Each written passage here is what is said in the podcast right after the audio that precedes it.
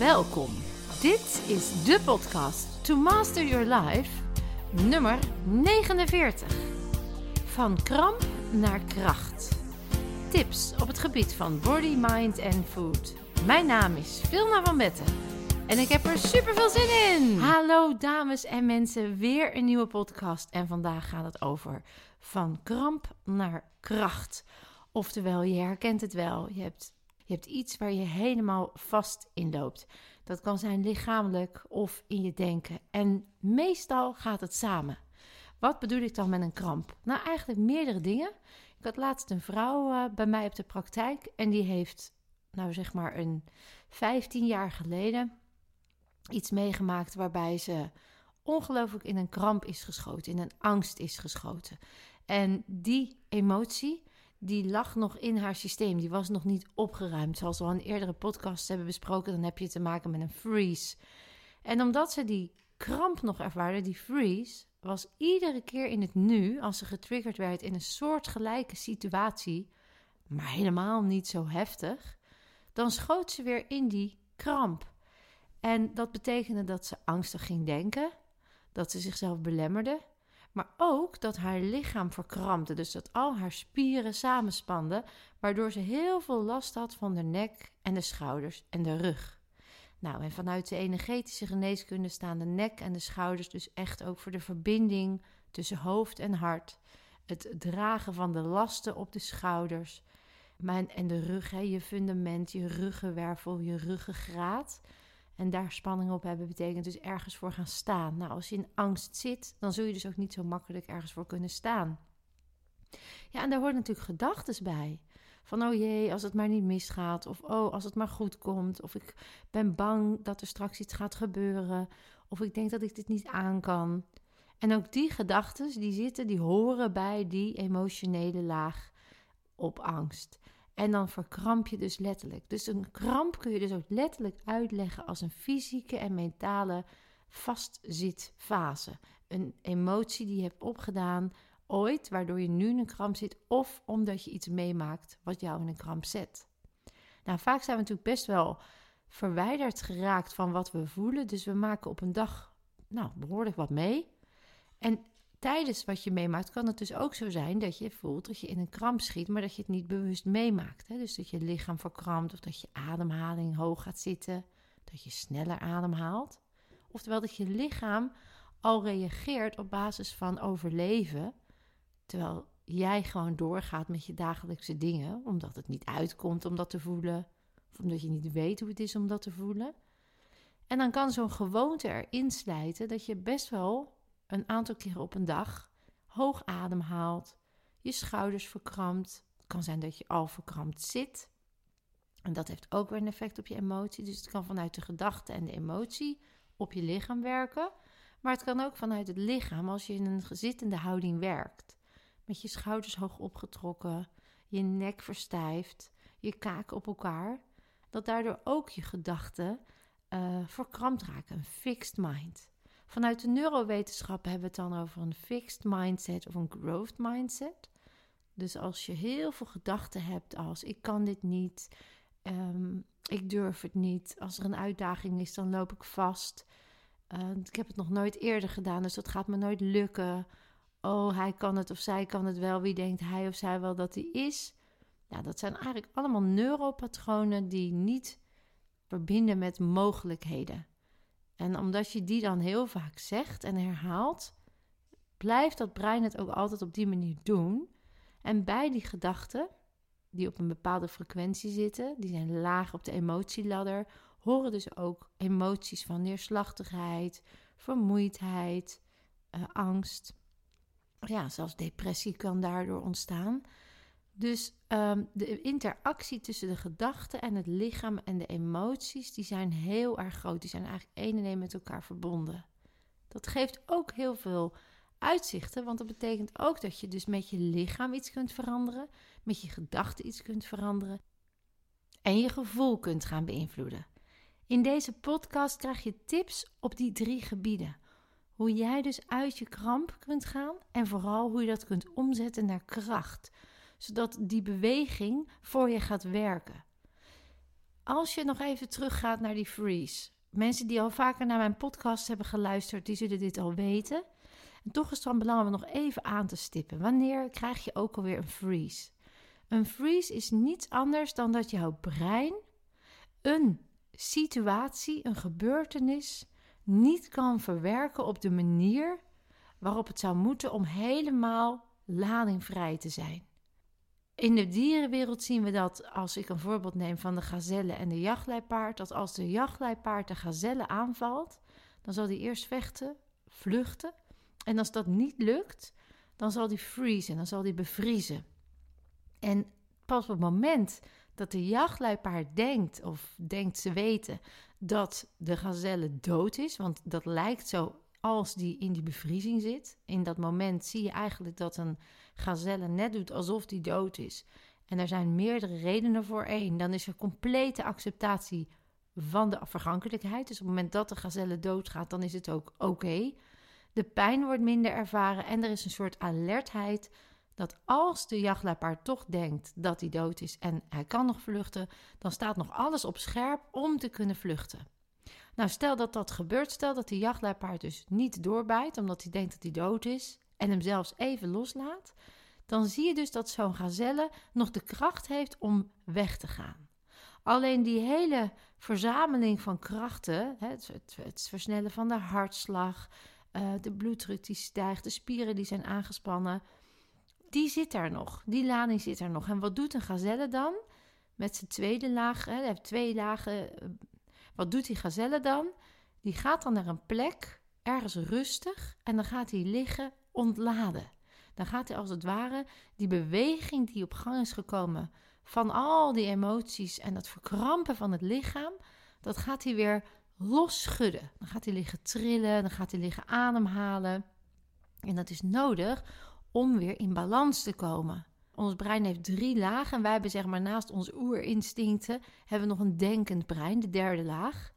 En daarin zitten allerlei normen en waarden en conditioneringen opgeslagen die ervoor zorgen dat wij niet meer helemaal soms kunnen voelen wat we voelen. Dat soms de verbinding tussen je hoofd en je hart wordt dan overgenomen door het hoofd. En dan zie je dat als je dan zoiets heftigs meemaakt en je zit in die kramp, en die eigenlijk in die overlevingsstand, waar je lichaam nog helemaal vol adrenaline zit en nog helemaal aangespannen is, dat je dan toch daarna, als dat gebeurd is en je hebt, er is geen gevaar meer, en dat kan dus zijn dat je bent afgewezen voor een sollicitatiegesprek, of je staat in een groep en iemand maakt je belachelijk, of je wordt gepest. dus je bent wel in die kramp, maar je kunt het niet laten zien. Je kunt die kwetsbaarheid niet toelaten, want dan ben je, ben je nog meer banger voor wat er gaat gebeuren voor de gevolgen. Dus in plaats van wat die gazelle dan doet, dus even het er laten zijn en ontladen en trillen en wegademen enzovoort, zeggen wij dus vaak tegen onszelf: Nou, hup, opstaan, doorgaan, negeren, ontkennen. Uh, we nemen er wel een pilletje voor. En dan stop je eigenlijk als het ware de verwerking weg. En dan blijft dat lichaam dus in die kramp, letterlijk. Maar ook die gedachten blijven daar hangen alsof er een soort propje in een rietje zit. Nou, en als dat eenmaal in jouw systeem zit, zowel neurochemisch als fysiek, want het is natuurlijk met elkaar verbonden, dan kan het dus zijn dat jij op een willekeurig ander moment ook weer in die kramp schiet, terwijl het niet nodig is, maar omdat je daar dat propje nog hebt zitten, omdat het daar een soort kortsluiting is geweest, waardoor je het steeds opnieuw beleeft. Het is dus letterlijk niet verwerkt. Het is dus letterlijk niet ontladen. Je zit daar nog in je freeze. En in die freeze zit je dus ook in een kramp in je lichaam, in je systeem, in je denken. Er wordt wel eens een vergelijking gemaakt dat tussen je nulde en je zevende jaar, daar zijn de meeste imprints gelegd, maar ook de meeste freezes ontstaan. Daar kon je niet altijd jezelf zijn, of je moest voldoen aan een bepaald beeld, of je zat in een situatie waar je niet anders kon. En dan zeggen ze wel eens, de vergelijking die wordt gemaakt is dat je dan dus in het nu, stel dat je nu 30 bent of 45 of ouder, dat je dan nog steeds eigenlijk reageert zoals dat kleine jongetje of meisje uh, van tussen de 0 en de 7 die dat toen heeft meegemaakt. Dus je reageert nog op een soort kinderlijke manier. En we hebben wel eens iemand in ons seminar gehad die toen we groepjes gingen maken, hij uh, was achter in de zaal gaan zitten en hij werd niet door zijn groepsleden, door de mededeelnemers gezien. Want hij zat eigenlijk op een plek waar hij niet zo zichtbaar was. Omdat hij terugkwam van het toilet en niet de rest van de groep wilde storen. Dus hij was eigenlijk op een stil plekje gaan zitten. En de groep die had hem dus over het hoofd gezien. En dat was kennelijk voor hem zo'n trigger, zo'n freeze, dat toen eigenlijk iedereen de zaal verliet, hij in zijn eentje weg is gelopen. En uiteindelijk wisten we dus niet waar hij was. En toen zat hij in de feutushouding, onder een dekentje, op zijn bed omdat hij dat toen ook had gedaan, toen hij dat als klein jongetje had meegemaakt. Dus kennelijk de afwijzing van ik word niet gezien en ik word niet gehoord was bij hem zo groot dat hij dan weer even schoot en dat gedrag wat hij vroeger ook liet zien, dan kroop hij in de kast en dan hoopte hij dat zijn moeder hem vond, want dan kreeg hij toch aandacht. Nou, dus dat bedoel ik eigenlijk met een freeze. Dat is een kramp. Dat doe je ook helemaal niet bewust. Je denkt ook niet, nou, dan ga ik nu lekker uh, in de feutushouding op mijn bedje liggen en hoop dat ze me vinden. Nee, dat is gewoon geautomatiseerd gedrag, waardoor jij nog steeds dat kleine kindje laat zien, die daarin dus niet ontwikkeld is, omdat het zich niet heeft kunnen ontwikkelen. Het is niemands schuld, het is ook niet gek of raar of vreemd.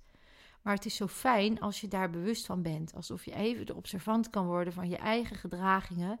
En kan zien, hé, hey, grappig. Hier ben ik nog dat kleine kindje. Hier ben ik nog iemand die niet ladingvrij is. Ik word nog getriggerd. Ik reageer nog vanuit oorlog in mijn hart in plaats van uit vrede en liefde.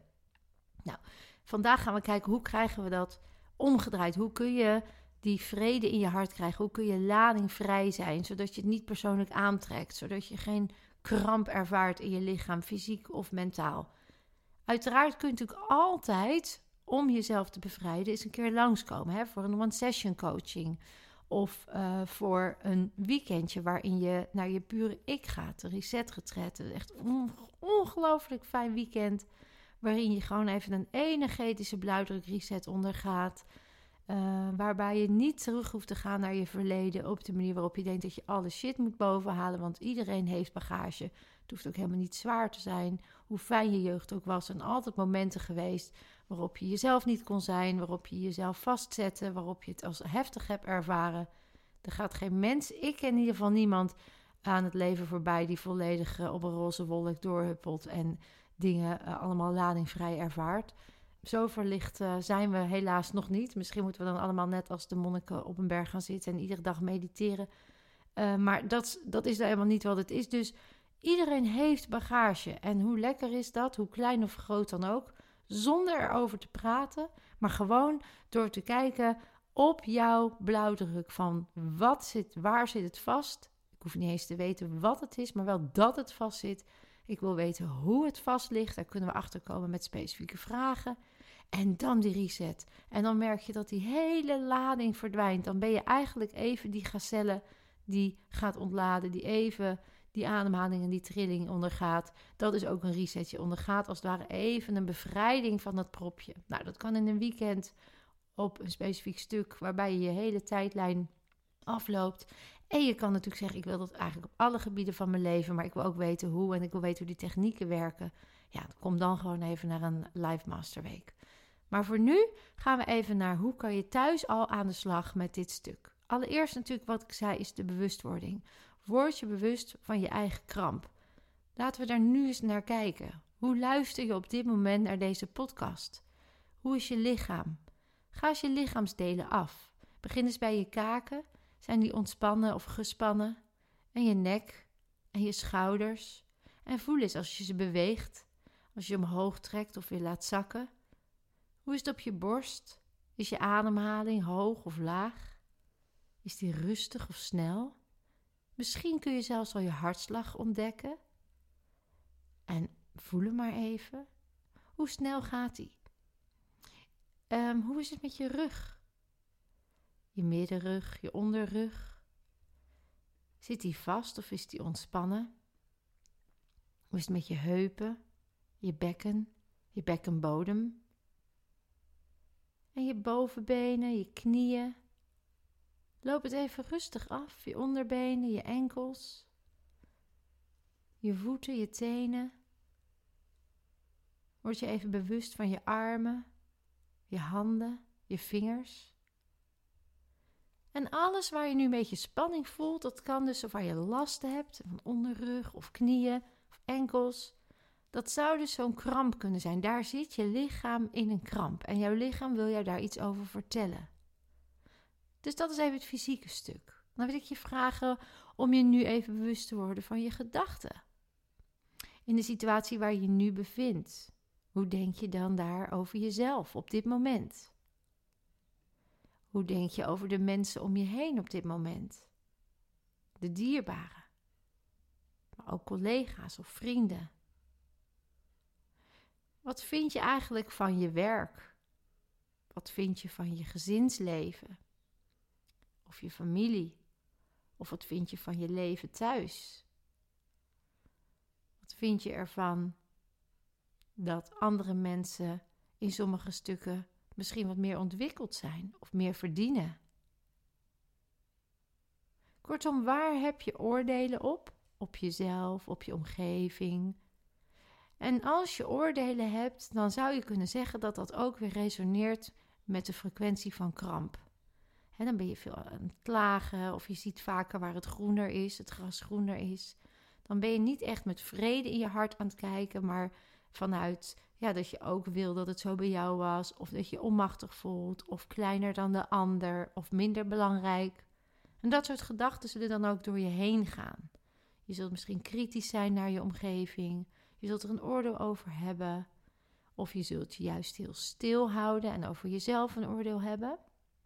En ook dat gaat weer gepaard met een lichamelijke reactie. Dus die twee interacteren met elkaar. En dat gaat ook gepaard met een emotional state, met een gevoel van welbevinden of juist niet zo welbevinden. Dus ook dat, wat voel je dan nu over je leven, over hoe je nu bent? En geeft dat een blij gevoel of een wat minder waardig gevoel of een eenzaam gevoel? Of een ik voldoen niet gevoel, of ik heb recht op gevoel. En als dat allemaal met elkaar resoneert en je ervaart dat, dat je daarin zit, dan zou je kunnen spreken over een kramp. Een kramp waar jij dus vastloopt, waar je wil dat het anders gaat, waar je niet helemaal optimaal vrij bent, gelukkig en gezond. Nou, en dan als je dat je bewust wordt, dat is al een waanzinnige eerste stap. Dat noemen we herkennen. En dat herkennen is zo belangrijk, want dat betekent dat jij als observant van jezelf kunt gaan werken aan datgene wat je dan zo graag anders wil. Nou, als dat nu niet meteen tijdens de podcast lukt, maak een boekje voor jezelf of een schriftje en schrijf gewoon eens die dingen op die ik je net als opdracht meegaf. Hè? Ga elke dag eens kijken hoe voelt mijn lichaam vandaag? Waar zit ik dan vast? Want ook je lichaam en waar je vast zit vertelt alles over wat er dan voor emotie achter ligt, waar het over gaat, wat het thema is. Wat ik al zei, nek en schouders gaat over verbinding hoofd, hart en vasthouden. En het gebied van de borst gaat natuurlijk alles over liefde en zelfliefde. En als je trekt in je middenrug, dan hebben we het veel meer over uh, de regie kwijt zijn. Het gevoel hebben dat je in iemands anders pad loopt of niet weten waar je heen wil. Nou, je bekken en je onderrug zegt alles over hoe veilig jij je voelt met jezelf en met een ander of de ander. Of je nog wel echt helemaal kunt zijn. Dat je nog je identiteit kunt neerzetten. Dat je nog authentiek bent. En dan eigenlijk eh, eh, alles daaronder gaat over ergens voor staan. Uh, je knieën gaat voor niet vooruit kunnen bewegen. Niet flexibel meer kunnen zijn. Dus al die delen in je lichaam geven je ook aan waar je dan vastzit in je leven. En waar het mee te maken heeft. En vaak kun je dan zelf wel de verbanden leggen met de situatie waar je dan mee te maken hebt. Nou, als je dat opschrijft voor jezelf en overzichtelijk maakt, dan ga je steeds meer jezelf als observant kunnen aanschouwen. In het boek De kracht van het nu wordt het ook zo mooi omschreven. Daar noemen ze de kramp het pijnlichaam. En er staat ook op het moment dat je observant kan worden van dat pijnlichaam, dan ben je eigenlijk in het nu. Dan ervaar je die pijn ook niet. En dan ben je eigenlijk los. Dan ben je in een soort nieuw bewustzijn waarbij je ook het kan gaan loslaten. Nou, dat begint vaak met de tweede stap en dat is het erkennen. Vaak als je ergens een kramp voelt in je denken of als je ergens last van hebt, dan ga je een gevecht daarmee aan. Dan baal je ervan of het remt je of je vindt het vervelend of het komt nu niet uit.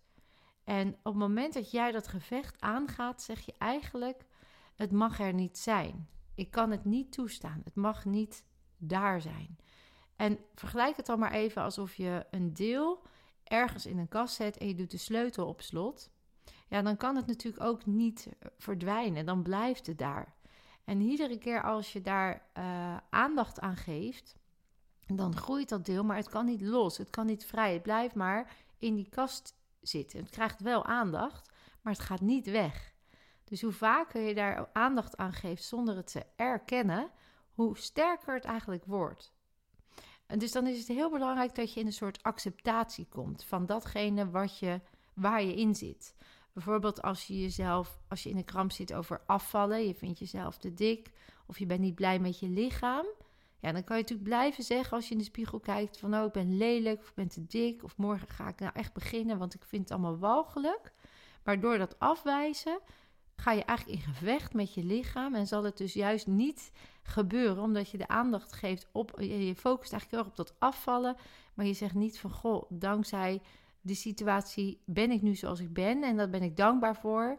En daarmee laat je eigenlijk de lading die erop ligt los. En dan zul je ook merken dat je het niet nodig hebt om de aandacht te geven. En dan wordt het ook veel minder een ding dat je moet afvallen. Dan eet je gewoon gezonder. Dan ga je veel makkelijker andere stappen nemen. Je laat het eigenlijk even los. Vergelijk het ook wel eens als mensen kinderen willen krijgen. En het lukt niet. Nou, dan kan dat echt een obsessie worden en een kramp. En dan word je heel erg afhankelijk ervan. En als het er dan niet is, dan ben je ook niet gelukkig. Dus dan neemt het je eigenlijk jou over. Terwijl op het moment dat mensen dan zeggen: Nou, het lukt niet, we laten het los. Weet je, we overwegen om een kindje te adopteren. Dan ineens kan het toch nog spontaan gebeuren, omdat dan die focus niet ligt op die kramp. Maar eigenlijk meer op gewoon vertrouwen en dat het toch wel oké is hoe het ook is. En dan gaan de ja, fysieke processen dus ook anders worden en de neurochemische processen. En dan zie je dat het wel kan plaatsvinden. Dus hoe meer jij loslaat, vanuit acceptatie, hoe meer jij manifesteert en op je aftrekt wat wel voor jou belangrijk is en wat wel goed voor jou is. Zowel energetisch in de resonantie en de frequentie, want je komt gewoon hoog in de ladder, als neurochemisch, omdat de gedachten ook anders worden en dus andere chemische processen vrijkomen. Dus dat is eigenlijk de tweede stap, is dat je het erkent, dat je het aanvaardt. Uh, en dat doe je ook door dat tegen jezelf te zeggen. En dan zou je in het begin denken, ja, ik zeg het wel, maar ik voel het nog niet zo. Het feit dat je daarop gefocust bent, op acceptatie, geeft al aan dat het in beweging wordt gezegd. Hè? Dus je kan uitzoeken wat dan het nog is waardoor je die kramp dan kennelijk nodig hebt. Waarom kan je hem niet accepteren? Ben je nog boos op iemand? Ben je nog boos op de situatie? Uh, bouw je van jezelf dat je niet in control bent? Vind je dat het anders moet en lukt het je niet? Is het je eigen onvermogen? Aanvaard dat deel dan van jezelf en zeg gewoon: Oké, dit kan ik kennelijk nog niet. Ik heb nog niet de uitweg. Ik kan de ander misschien nog niet vergeven. En toch wil ik door. Daar zit al veel meer acceptatie op. Dan dat je gewoon echt direct iemand misschien vergeeft. Of dat je helemaal blij bent met de situatie. Dat hoeft ook niet. Maar dat je dus daar rust in gaat vinden. Ik zag laatst een uh, interessante documentaire op Netflix. Waar een moeder uh, haar zoon was vermoord. En uh, over dan de absolute acceptatie en vergankelijkheid te spreken en vrijheid. Zij heeft die moordenaar van haar zoon uh, ja, na tien maanden kunnen vergeven, omdat zij vrij wilde zijn zelf. En uh, nou, die vrouw, die, als je dat ziet, ja, ze zag er fantastisch uit. Ze was echt bevrijd. Wat niet wil zeggen dat ze haar zoon niet mist. Alleen het feit dat hij weg is, daar kan ze niks meer aan veranderen. En als dat de hele leven een last zou zijn, dan zou ze er zo ongelooflijk onder gebukt gaan dat ook haar leven geen leven meer zou zijn. En ze had nog andere kinderen om voor te zorgen en nog andere levens waar ze nog wel nuttig kon zijn. Dus dat was dat is een mooi voorbeeld van het ultieme loslaten. Hè? Dat je echt aanvaardt dat het is wat het is. Nou, ga daar eens mee oefenen. Ga daar eens mee experimenteren. Zeg eens dingen tegen jezelf die daaraan bij kunnen dragen en word je ervan bewust. En als je dan merkt dat je er echt oké mee bent, geen weerstand meer op hebt, geen excuses meer over hebt, ga dan er naar handelen. Dus wat is er dan nodig voor jou om deze situatie te gebruiken ten gunste van jouw doelen? Nou, een tip daarbij is dat je voor jezelf eerst benadrukt en bedenkt: wat is dan jouw doel? Als jouw doel is om wat, wat relaxer om te gaan met dezelfde persoon. Ga dan kijken, zeg dan dankzij deze persoon leer ik hoe ik makkelijker om kan gaan met moeilijke mensen. Dus gebruik dan die persoon als kracht. Maak van je probleem dan je doelstelling. Als je wil afvallen en je hebt een hekel aan je lichaam, zeg dan dankzij mijn prachtige lichaam weet ik nu hoe ik gezond en goed voor mezelf moet zorgen. Dus dan draai je eigenlijk het hele, de hele situatie draai je om naar kracht. Je maakt hem eigenlijk nu zo krachtig dat je er zelfs dankbaar voor bent en zin in hebt om het anders te gaan doen. Dus uh, mijn tip op de seminars die ik altijd geef is zeg dan dankzij en dan vul je je probleem in, mijn probleem. Kan ik nu en daar vul je dan je doel in. Dus waar je naartoe wil werken. En dan kan je ook anders naar mensen kijken. Je kunt anders naar de situatie kijken. Je kunt anders naar jezelf kijken. En dan merk je dat iets waar je voorheen in kramp zat, gaat ontspannen en zelfs gebruikt kan gaan worden als kracht. Als je hiermee aan de slag gaat, dan zul je echt al merken dat je lichaam zich daarnaar gaat vormen. Dat je gaat hoger op de ladder komt, dat je met andere gedachten in een hogere frequentie komt, hè, 500 en daarboven is liefde en daarboven, ja, dan ben je optimaal en gezond. En dan zul je echt merken dat je ook anders gaat voelen. Dus dat die kramp verdwijnt en je lekker in je vel gaat zitten en daardoor ook je gezonder gaat voelen. Ja, vlak niet uit dat humor heel belangrijk is. Dus om ook lekker hoog in die ladder te komen, zorg dat je veel dingen doet die je leuk vindt. Zorg dat je met mensen praat die interessant zijn. Zorg dat je uh, lekker beweegt. Ook een hele belangrijke. Dan ga je het lichaam lekker ontspannen. Dus veel mediteren, yoga, lekker wandelen. Daar uh, op mijn site kun je trouwens binaural beats downloaden. Die zijn gratis. Tijdens tussen de podcast en bij de meditatie staan prachtige ja, meditaties die echt voor ultieme ontspanning kunnen zorgen. En die binaural beats die zorgen dat het eigenlijk vanzelf gebeurt. Dus ook daarin kun je al heel veel met je lichaam zelf gaan doen, waardoor ook je lichaam zich anders gaat vormen. Daarmee ook weer je gedachten anders worden en je gevoel.